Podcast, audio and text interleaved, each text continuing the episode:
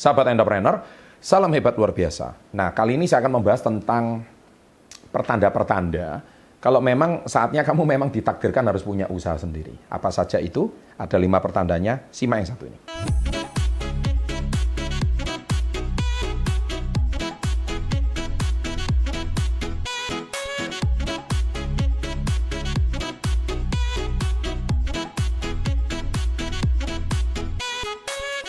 Nah, jadi gini ya, uh, sebetulnya orang punya usaha sendiri itu bukan karena kecelakaan, bukan karena kebetulan, tapi karena mereka itu memang punya sebuah peristiwa yang akhirnya mereka mau nggak mau harus menjadi seorang entrepreneur.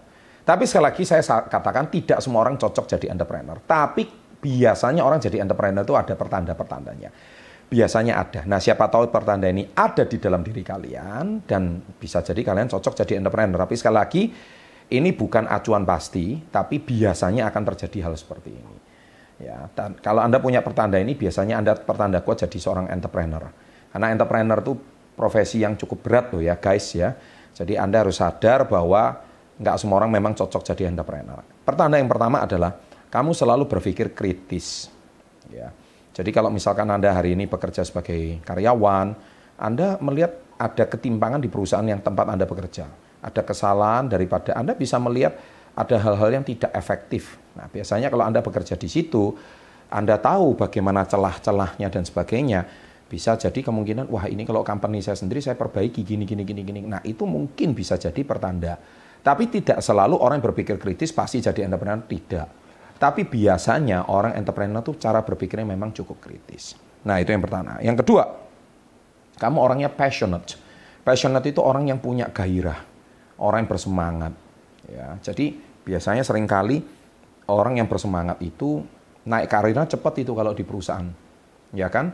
Anda punya jiwa kepemimpinan, punya jiwa leadership yang baik, bisa memimpin orang banyak, ya kan? Kemudian bisa menjadi teladan, Anda orangnya bergairah, itu passionate. Nah, biasanya kalau Anda melihat eh, lingkungan kerja itu tidak nyaman, mungkin Anda dicap orang yang ngesok, dicap orang yang tidak tepat, dicap orang yang uh, cari muka, ya kan, penjilat, apa pun itu orang lingkungan itu, ya level mereka belum nyampe kamu aja gitu loh. Orang boleh mengatakan kamu apa, tapi ya sekali lagi orang yang bisa cuman mengolok, orang yang cuman bisa mencibir, orang yang cuman bisa nyinyir, artinya level mereka nggak maju, mereka cuma di situ-situ aja.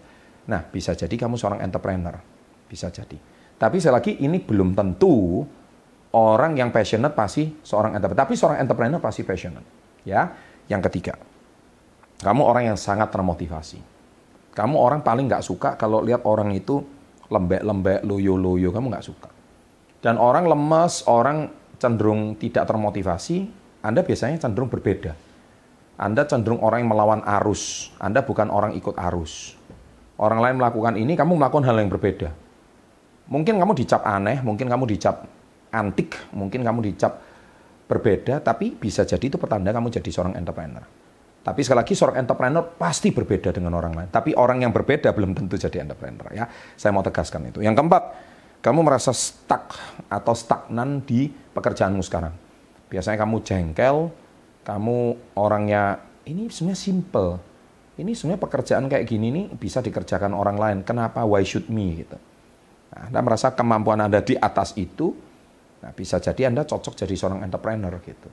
Sekali lagi entrepreneur itu adalah orang yang berani melawan arus, orang yang berbeda, orang yang berani melakukan hal-hal yang orang biasa tidak lakukan. Itu entrepreneur. Contoh di masa corona, pandemi seperti kayak gini, banyak orang lesu, loyo, tapi Anda melihat peluang. Anda melihat setitik cercah di antara kegelapan orang-orang. Anda melakukan something yang different. Nah, itu biasanya entrepreneur. Tapi sekali lagi itu ciri-ciri entrepreneur. Tapi tidak selalu orang yang stuck gini-gini. Banyak di kantor, saya stuck, saya merasa capek, cocok jadi entrepreneur. Enggak, itu biasanya orang mengeluh aja.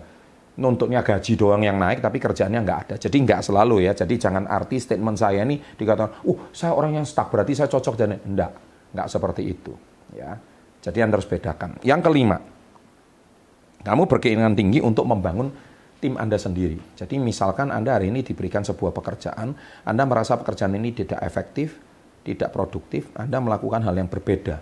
Anda berani melakukan sesuatu yang di luar pekerjaan itu, Anda berani melakukan suatu terobosan di lawan pekerjaan itu. Cocoknya Anda memang seorang entrepreneur karena Anda punya satu cara berpikir yang tidak pada umumnya. Anda melakukan satu cara berpikir yang di luar hal biasanya. Dan akhirnya pekerjaan itulah merupakan sebuah pekerjaan yang harus Anda lakukan. Dan akhirnya kalau Anda lakukan pekerjaan tersebut, otomatis pekerjaan itu eh, Anda bisa lakukan dengan hal yang berbeda dan ternyata lebih efektif. Ketika atasan Anda melihat Anda bisa melakukan satu terobosan yang berbeda, otomatis eh, pekerjaan Anda itu uh, bisa lakukan dengan lebih cepat, lebih cep efektif, dan hasilnya lebih memuaskan. Nah itu biasanya Anda punya bibit-bibit seorang entrepreneur. Ya, Pak berarti pemberontak dong Mbak di perusahaan? Enggak juga. Pemberontak itu cenderung ke negatif ya, tapi Anda itu cenderung re uh, revolusioner. Anda itu cenderung melakukan sesuatu yang belum pernah culture yang dilakukan perusahaan, tapi Anda bisa lakukan. Nah, bisa jadi Anda itu punya bibit entrepreneur. Tapi sekali lagi orang yang selalu bergesekan, berantem sama atasannya dan sebagainya itu belum tentu punya attitude seorang entrepreneur. Memang entrepreneur itu pasti melakukan sesuatu yang berbeda. Tapi tidak mungkin ada dua ekor singa di satu gunung. Pasti berantem. Di satu gunung, satu ekor singa. Kalau Anda nggak betah, cari gunung yang lain. Nah, kurang lebih seperti itu. Kalau Anda nggak mau jadi seekor singa, ya cukup jadi anak buahnya raja hutan. Itu aja. Jadi Anda nggak selalu cocok jadi entrepreneur. Nggak salah kok jadi karyawan. Nggak, nggak semua orang cocok jadi entrepreneur kok. Nggak salah kok Anda jadi anak buah Raja Hutan. Kalau anak buah Raja Hutan tapi posisi Anda tinggi kan juga bagus juga kan. Oke, nah ini demikian insight saya. Semoga Anda mendapatkan pandangan dan motivasi. Dan selalu salam hebat, luar biasa.